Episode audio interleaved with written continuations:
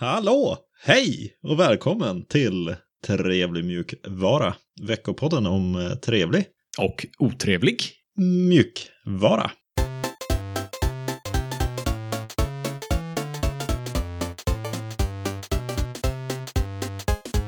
Mitt namn är Alex och med mig har jag som vanligt Seb. Hallå Alex! Vad har du hittat på den senaste veckan? Den senaste veckan har jag börjat jobba på ett nytt jobb. Nej, det visste inte jag. Nej, det är sånt. Det är därför vi har podden. För vi ska kunna Ja. uppdatera varandra. Okej, är det spännande? Ja, det är spännande. Det är det. Kul. Ja. Ja, vi får eh, snacka mer om det sen. För nu ska du få berätta vad vi ska prata om i det här avsnittet. Yes. Ja, vi kommer börja med att snacka om den nya versionen av Linux. Kärnan 5.15. Wow, wow, wow. Mhm. Sen blir det lite Pine Phone Pro-snack. De har haft en AMA på det. Reddit där man får ställa frågor till våran vän Luke.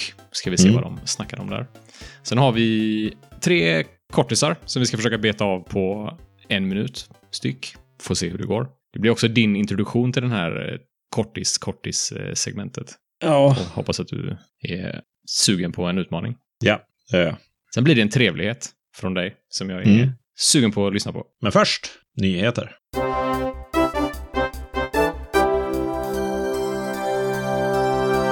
Ja, Lukash har pratat om Pinephone och eh, Linux har nått 5.15. Yeah, ska vi börja med Linux 5.15? Ja, det kan vi göra. Berätta. Ja, det är som vanligt när de släpper nya versioner. Det är massor med grejer som ser och låter väldigt tekniskt. Men eh, vi ska försöka dra ur värdet ur de här eh, förkortningarna. Ja, bra. Det är lite ofta grekiska för mig när jag läser dem. Ja, vi kan väl börja med den första punkten. NTFS-stöd med hjälp av NTFS 3 som ursprungligen utvecklades av Paragon Software. Mm. Vad är NTFS? Filformat. Filsystem. Eh, nej, filsystem.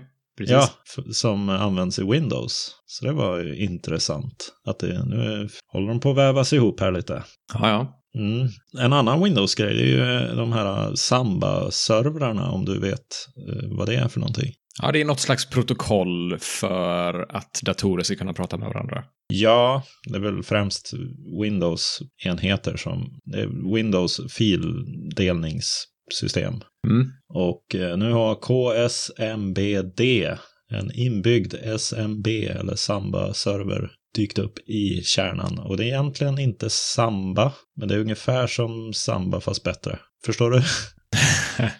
Ja, kanske. Och, och så är det kompatibelt med Samba, kanske? Ja, för Samba är kompatibelt med Windows fildelningsgrej. Och det här är ju en annan approach till samma, att lösa samma problem. Mm, Okej. Ja, lite, lite renare, lite bättre, lite lättare om man ska tro det som sägs på nätet. Ja, okej. Vad är sp- eh, spännande att de, både filsystemet och det här fildelningsprotokollet andas väldigt mycket Windows. Ja, eh, mycket Microsoft här i början, men det, det, det tycker jag är genomgående i den här releasen. Det är många stora namn som dyker upp här. Ja, Så och det känns mer och mer som att det här blir allas operativsystem snart. just det. Om vi går vidare så är ju även AMD ganska stora nu. Har de väl alltid varit i och för sig, men eh, jag, går ju, jag har ju gått jättebra för dem den eh, senaste åren. Mm. Och det är många nya IDn tillagda för RDNA2 PCI-enheter.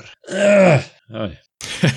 ja, okej. Ja, och i grund och botten så är det väl eh, så att kärnan kommer att stödja framtida Radeon pro- grafikchip Ja, okej. som är på G in. Just det, de har bäddat för framtiden lite grann. Ja, då kommer den att upptäcka dem och använda rätt drivrutiner och sånt. Mm.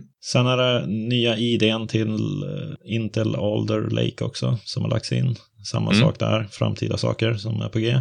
Mm. Sen har det dykt upp en M1-driver, Apple Silicon Driver för IOMMU. Och det är ett genomgående tema här, inte nödvändigtvis i 5.15 5.15 men i framtida releaser också. Så Mm. i 5.16 kommer det lite mera Apple Silicon-grejer också.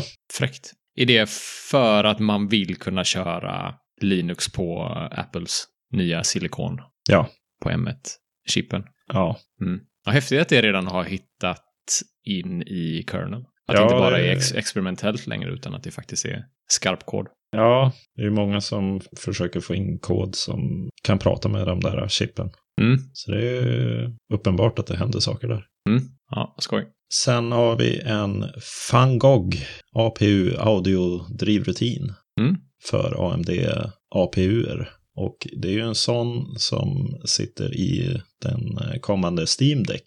Så eh, det spekuleras i att Steam Deck troligtvis blir en av de absolut första enheterna som drar nytta av det. Så det är ju kul. Ja, okej. Sen har vi Amazons också såklart. De är inne och, och hjälper till. yes. Eh, deras Matt Damon. Nej, den heter Damon, men om man vet hur Matt Damon stavas så förstår man hur det här stavas. Okej. Damon. Ja. Den är inmergad och det verkar vara någon eh, lite smartare lösning för att hantera minne i Linux. Mhm. Vet inte om det är något som alla drar nytta av, men eh, kul att de bidrar också. Mm. Och mycket mer såklart. Men eh, vi kan inte sitta här hela, hela dagen och prata om, ja det kan man väl göra, men det är inte så kul att lyssna på kanske. Nej. Ja. ja, men fräckt att det är, Apple och det är Valve och det är Mm. Amazon och Ja. det är Microsoft-grejer. Ja, och det är fler företag. Ja. Så ja, Är det deras? Antagligen så är det ju folk på som är sponsrade av de här företagen som har släppt eh, kod eller fått kod inmergad. ja, det är ju både och. Många Ja. på Intel jobbar ju direkt mot eh, kärnan, så att säga. Mm. Som ett exempel. Sen är det ju andra som blir sponsrade och det är ju några som har Patreons. Eh, Apple skulle väl inte sponsra den där M1-utvecklingen där. Nej, just det. Men det är en eh, intressant skara, Mm. högt och lågt. Inför eh, nästa release har man ju börjat jobba på en massa grejer också. Kan vi nämna det lite snabbt. Det är DisplayPort 2-stöd för AMD GPUer. Mm. Eh, USB 4 DisplayPort tunnelstöd för AMD GPUer. Och det där hänger nog lite ihop med Steam Deck, att man ska kunna, den har väl en USB 4 och så ska man koppla in den med den här dockan. Och då är det en DisplayPort rent tekniskt där i då. Får ut bilden till en tv som den dockan är kopplad till. Ja, okej, okej. Och det måste man ju ha drivrutiner för och det verkar ju vara på G i 5.16 då. Mm. Och så Apple-prylar med, med Magic Keyboard 2021. Tydligen måste man ha en drivrutin för att köra Apple Keyboards. Och eh, eh, en PCI Express drivrutin för M1-chippet också. Kommer Jaha. i 5.16. Så det går framåt där. Ja, kryper närmare och närmare. Jajamän. Fungerande Linux på M1.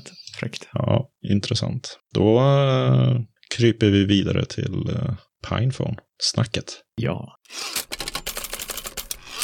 Ja, Lucash har ju haft en AMA. Vad står AMA för? Ask me anything. Gjorde man det då? Frågar man vad som helst.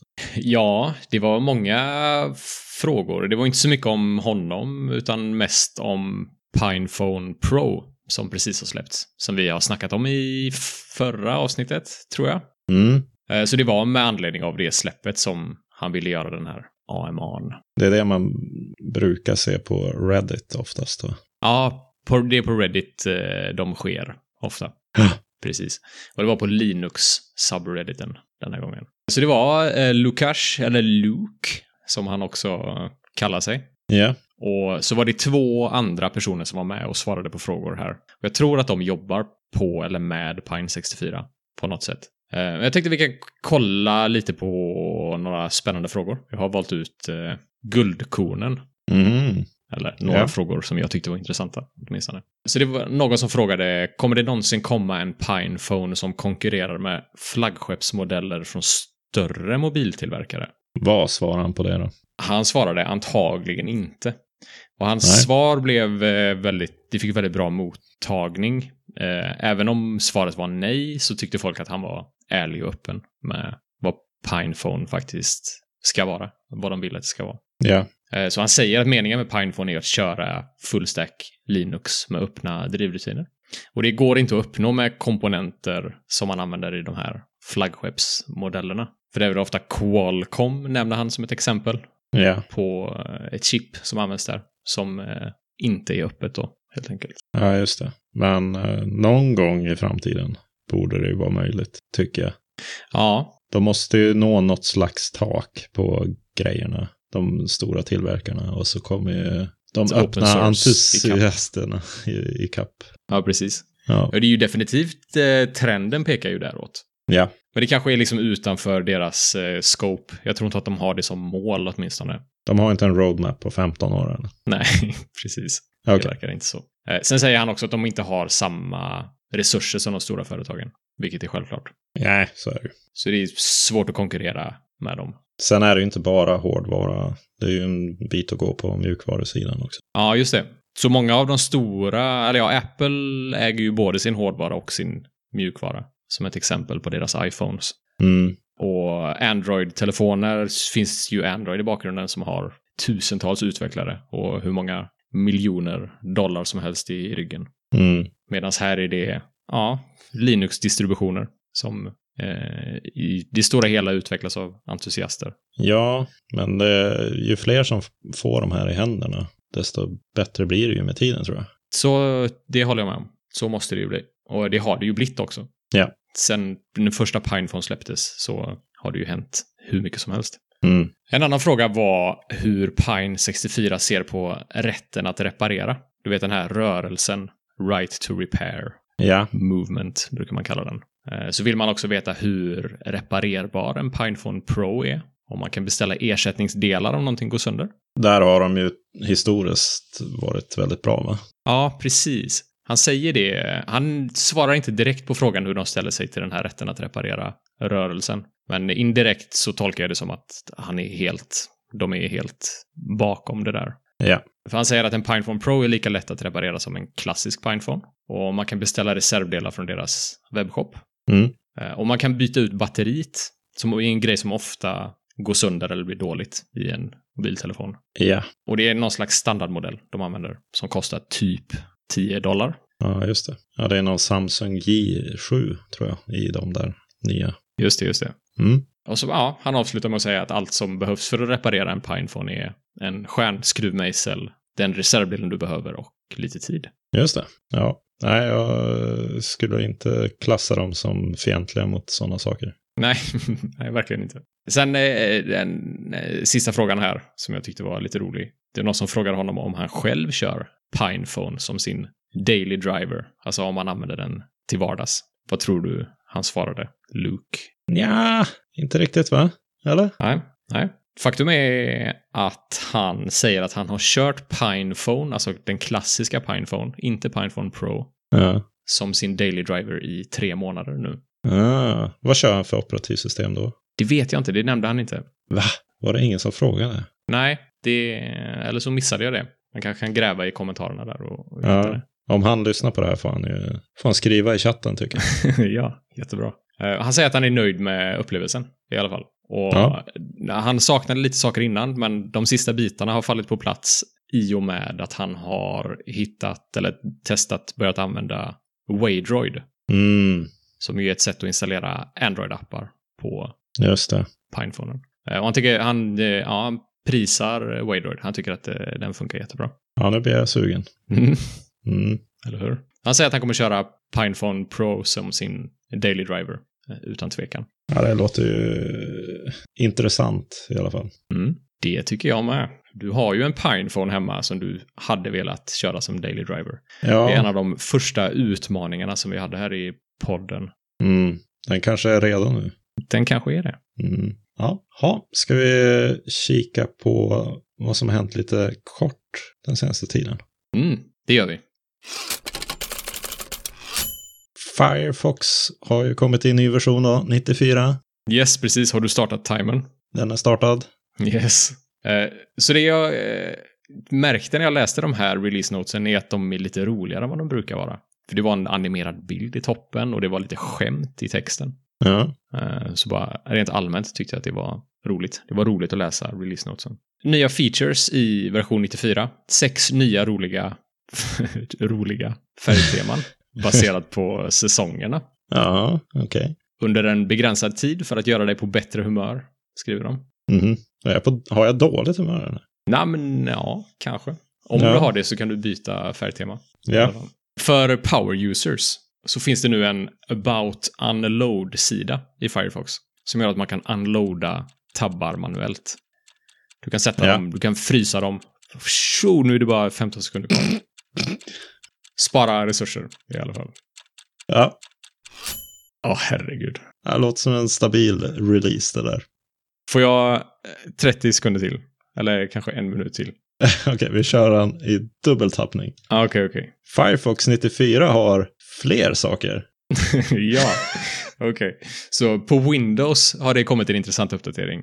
Eh, och nu uppdaterar sig Firefox i bakgrunden. Så det ligger en liten med en agent eller en process. Så även om du stänger ner Firefox så kan den uppdateras.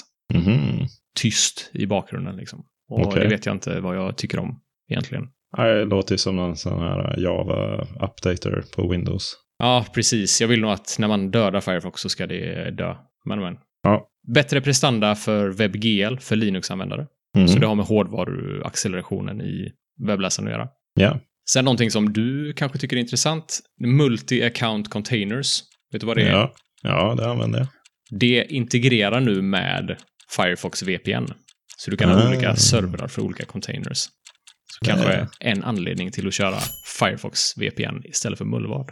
Ja, nu där försöker de komma till med någon eh, USP Ja, integrerad precis. i browsern. Här. Yes. Ja, mm. ha, då kikar vi vidare. Det gör vi. OpenSUS, eller SUSE, vad säger Mm. man? Ja, det vet väl eh, våra kompisar i chatten kanske. Men eh, jag la in den för att det känns som att eh, den här distributionen inte får så mycket, vad ska man kalla det, rampljus som de andra. Nej. Och jag har luskat lite i det. eh, Och eh, det beror väl dels på att de har en stor bas i EU. Och mycket av Linux-nyheterna kommer från USA där Red Hat är större. Och sen har vi ju Ubuntu som är brittiskt eh, i själen. Och, Ja. Men det är en riktigt eh, trevlig distribution och jag tycker att vi ska prata mer om den i ett kommande avsnitt faktiskt. Ja, bra. Open source i EUs senaste nyhetsbrev. Nu är, Ja. det, nu är det på... Är det, är, det, är det ungefär som att det dyker upp på, på Rapport i Sverige då? Eller är det, är det en stor grej?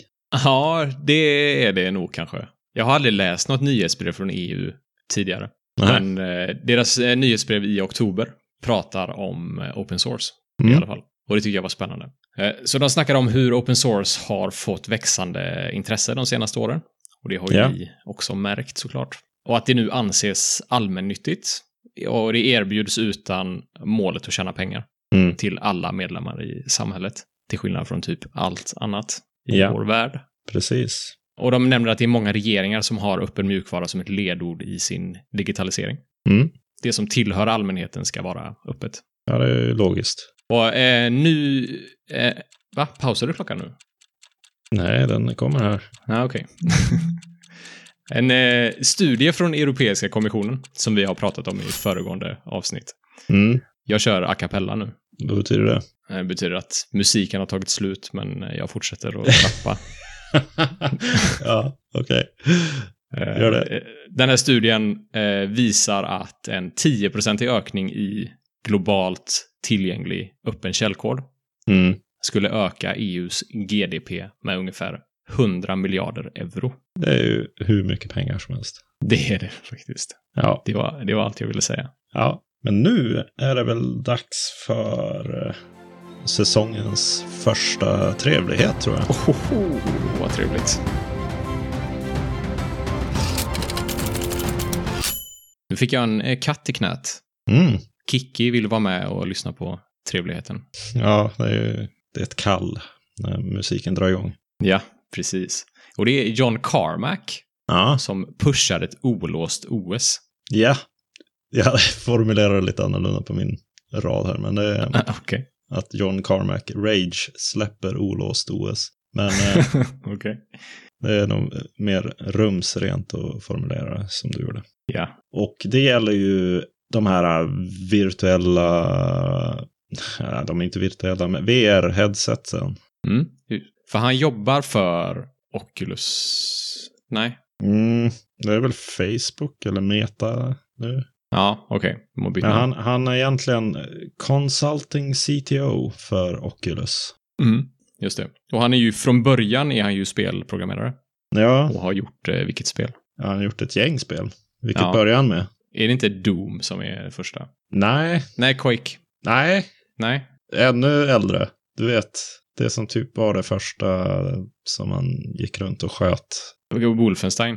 Ja, Ja, okej. det var väl hans genombrott. Och sen så startade han id Software. Och de släppte ju Doom och Quake. Ja.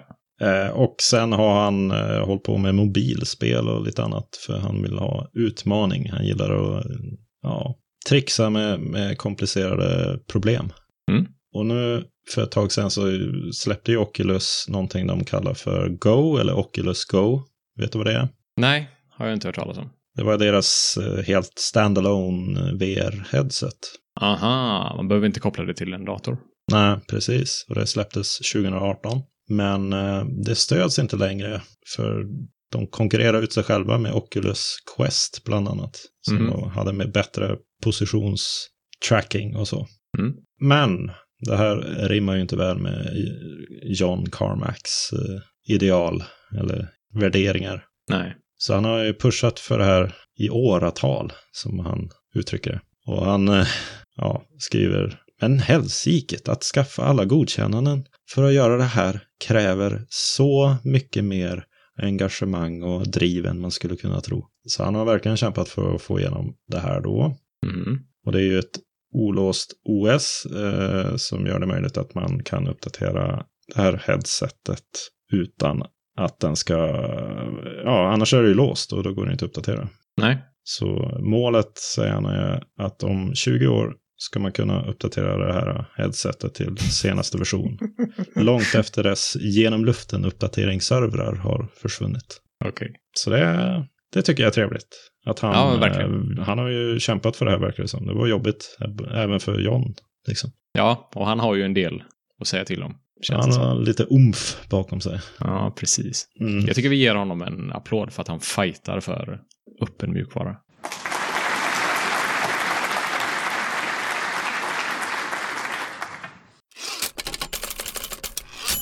Det var allt trevlig Och otrevlig.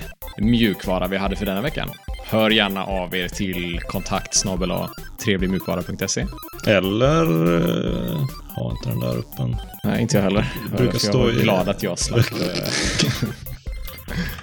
eh, Eller på Telegram, GitHub, YouTube, eh, Matrix, Mastodon. Mastodon. Jag finns på Mastodon och du finns på både Mastodon och Twitter.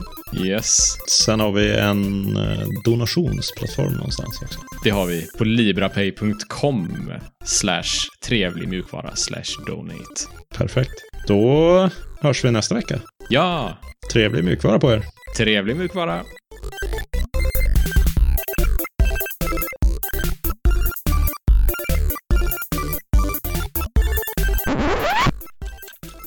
Ja. Pling. Ah. Det var Ja, kort och bra. Du lyckades ju. Ja, men jag vet inte vad jag... Ingen får ut något av det här.